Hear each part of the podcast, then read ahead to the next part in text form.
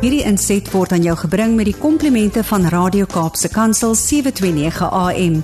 Besoek ons gerus by www.cape pulpit.co.za.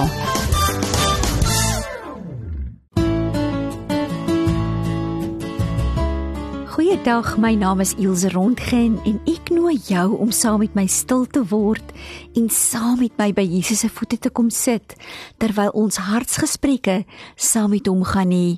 Dit is vir my so lekker en 'n voorreg om vandag saam met jou oor die radio te kan kuier. Besef jy dat Jesus wat vir ons gebore is en wat vir ons gesterf het, wat opgestaan het en die angel van die dood oorwin het, wat kom as die leeu van Juda en wat sy bruid kom haal. Hy wat die koning is van alle konings. Hy wil vandag met jou ontmoet. So hoekom word jy nie net saam met my stil vir 'n paar oomblikke nie? Van die een wat vir ons vrede wil gee, bonatuurlike vrede wil gee, wil vandag met jou praat. Kom ons bid saam. Here, ons is vandag so bevoorreg om U te mag aanbid. Abba Vader, ons kom buig vandag voor U Almag. Ons buig voor U heerskappy, Here. Ons kom gee vandag alles vir U. Here, ons buig voor U heiligheid. Ons buig voor U Abba Vader, ons Here, ons koning, ons beminde. Help ons vandag om te hoor wat U vir ons wil sê. Heilige Gees, kom vul die plek waar ons nou is met u heerlikheid en teenwoordigheid in Jesus naam. Amen. Ek wil vandag 'n baie kosbare gedeelte uit die woord met jou deel.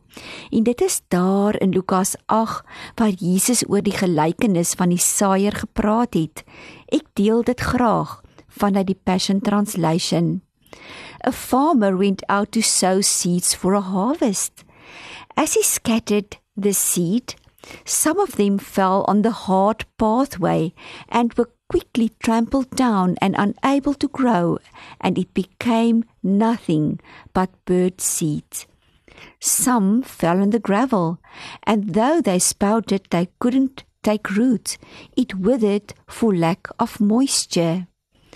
Other seeds fell where there was nothing but weeds. They too were unable to grow into fully maturity, for the weeds choked them out.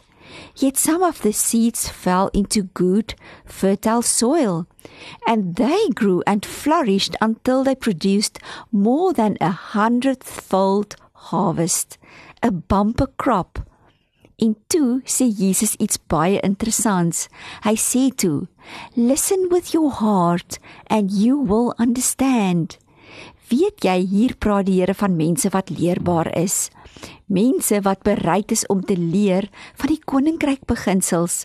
En hy sê, en ek glo dit is vir vandag dat ons met ons harte sal luister dan sal ons waarlik kan sien en kan hoor hoe geestelike beginsels werklik waar werk. Jesus verduidelik hier aan sy disippels wat die gelykenis beteken. Hy sê, die saad langs die pad is die hoorders. Daarna kom die duiwel en neem die woord uit hul harte weg, sodat hulle nie sou glo en gered word nie. Die wortel van dit is ongelukkig 'n harde hart, want hierdie hart kan nie ontvang nie. Dan is daar die saad, diegene wat op die rots is en wat die woord met blydskap ontvang wanneer hulle dit hoor. Maar hulle basis is nie standvastig nie. Dan val hulle in die tyd van versoeking. Die saad, diegene wat in die dorings geval het, Dit is die wat vel gehoor het en hulle gaan weg en word verskrik en verstik deur die sorges en die rykdom en genietinge van die lewe en die wêreld daar buite en hulle dra geen ryp vrug nie. Die saad wat in goeie grond in sagte en ontvanklike harte val, dit is diegene wat nadat hulle dit gehoor het, die woord in 'n edele en goeie hart hou en met volharding vrug dra. Weet jy, elke persoon op aarde val in een van hierdie kategorieë en elke een van ons val in een van hierdie kategorieë en ons kies dit self. Ons dink nie altyd so oor die lewe nie, maar dit wat ons saai in die gees, gaan ons ook oes in die gees. En ek wil jou vandag aanmoedig, hou aan om seën en vrugte saai in die gees. In Galasiërs 5 leer ons dat Jesus ons vrygekoop het om waarlik vry te wees en dat ons nie weer moet terugval na ons ou lewe nie. Daar staan dat dit wat werklik belangrik is, is dat ons geloof as gevolg van liefde tot dade sal oorgaan en dat ek en jy sal toelaat dat ons lewens deur Heilige Gees beheer sal word naamlik dat ons in die karaktereienskappe van Heilige Gees sal leef. En dit is liefde vreugde vrede geduld vriendelikheid goedhartigheid getrouheid nederigheid en selfbeheersing. Ek en jy het elke dag die keuse oor hoe ons gaan leef. Ons het die keuse watter saad gaan opkom in ons lewens. Gaan ek toelaat dat Heilige Gees my help en leer of gaan ek my eie keuses maak? Lewe of dood? Seën of vloek? En ons kan kies. Ons kan vandag kies lewe en seën. Elke lewe word nie verdien deur ons nie, want dit is 'n geskenk, die ewige lewe. Ons moet egter die geskenk oopmaak en hierdie geskenk is 'n persoon. Dit is 'n koning en hy is my en jou maker. My gebed vir jou is is dat ek en jy sagte harte sal hê, dat ons waarlik oë sal hê wat kan sien en dat ons waarlik ore sal hê wat kan hoor. Mag ek jou vandag vra, mag ek 'n bietjie nader aan jou hart kom? Wat maak jy dalk dat jy nie kan hoor op die oomblik nie? Wat is dit vandag wat jou keer dat jy in die volheid kan leef van dit wat die Here vir jou beplan het? Want jy is uniek. Jy is spesiaal. Jy is pragtig en jy moet besef wie jy werklik waar is. Abba Vader het jou gemaak en beplan tot die fynste besonderhede met jou unieke voorkoms, met jou unieke vingerafdrukke, met jou unieke persoonlikheid, jou unieke DNA na sy beeld en na sy gelykenis. Jy is gemaak om 'n seën vir hom te wees en ook vir ander. Jy is beplan deur Abba Vader om sy heerlikheid aan die wêreld te vertoon en dit te leef na elke persoon met wie jy in aanraking kom. Die engel sê dit so mooi, from glory to glory. Besef jy dat jou ware identiteit lê in jou geestelike wandel met die Here? Jy is sy weerspieëling. Jy is sy gesalfde. Jy is sy oogappel. En weet jy wat? Jy het reeds sy guns. Daar is niks wat ek en jy kan doen wat kan maak dat die Here jou en my meer sal lief hê nie. Dalk luister jy vandag en sê Here, ek het gesteel. Here, ek het al soveel foute gemaak. Here, ek het al soveel keer teleurgestel.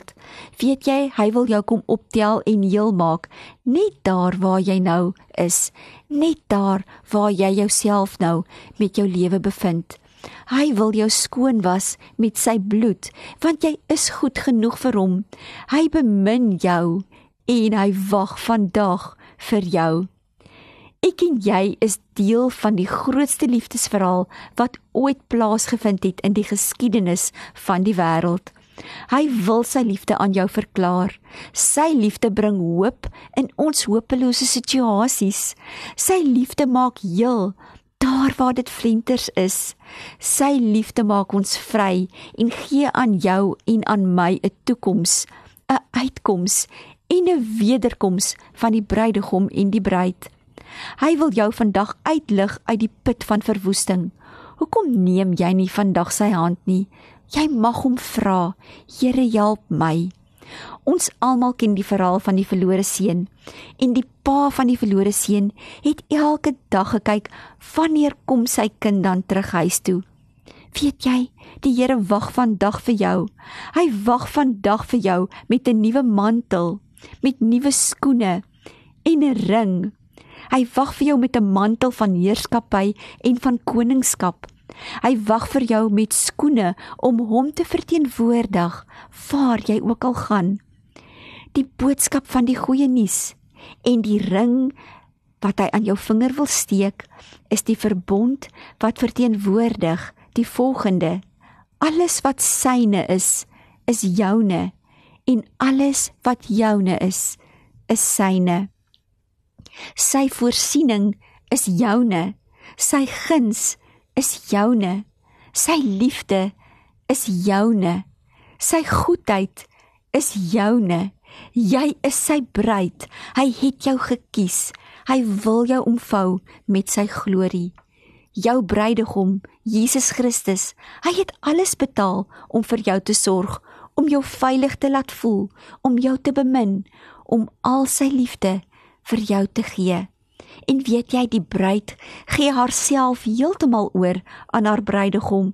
Sy vertrou hom want sy weet sy is veilig by hom en sy kies hom met haar hele wese. Hy neem jou en my sonde weg. Hy neem ons minderwaardigheid weg.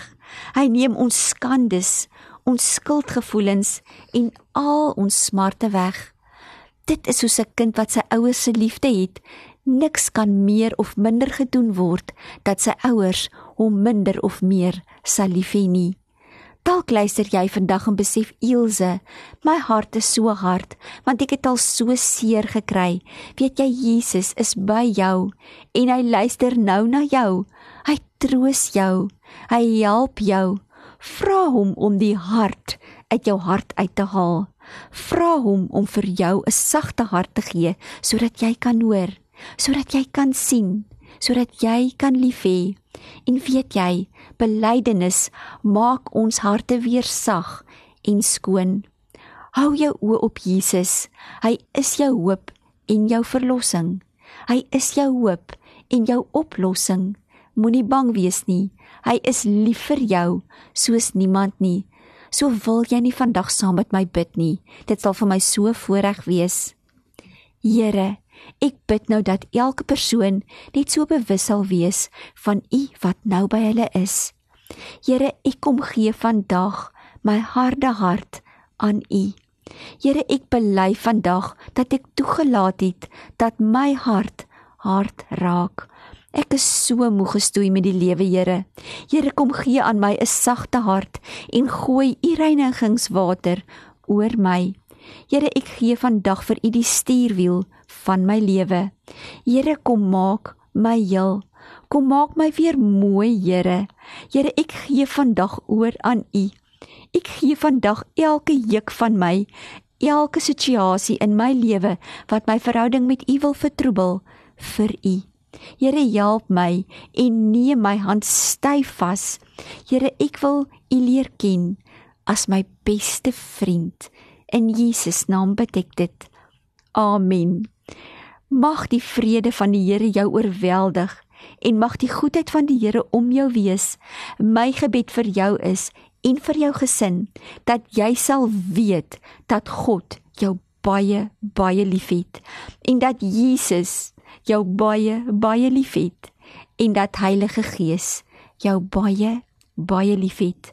My gebed vir jou is is dat jy sal terugkeer na jou eerste liefde, ons koning Jesus Christus en mag Jesus voor jou wees, mag hy agter jou wees, mag hy bokant jou wees en mag hy binne jou wees. Baie dankie vir jou kosbare tyd. Tot 'n volgende keer. Baie seën. Beminde bruid van die Allerhoogste God.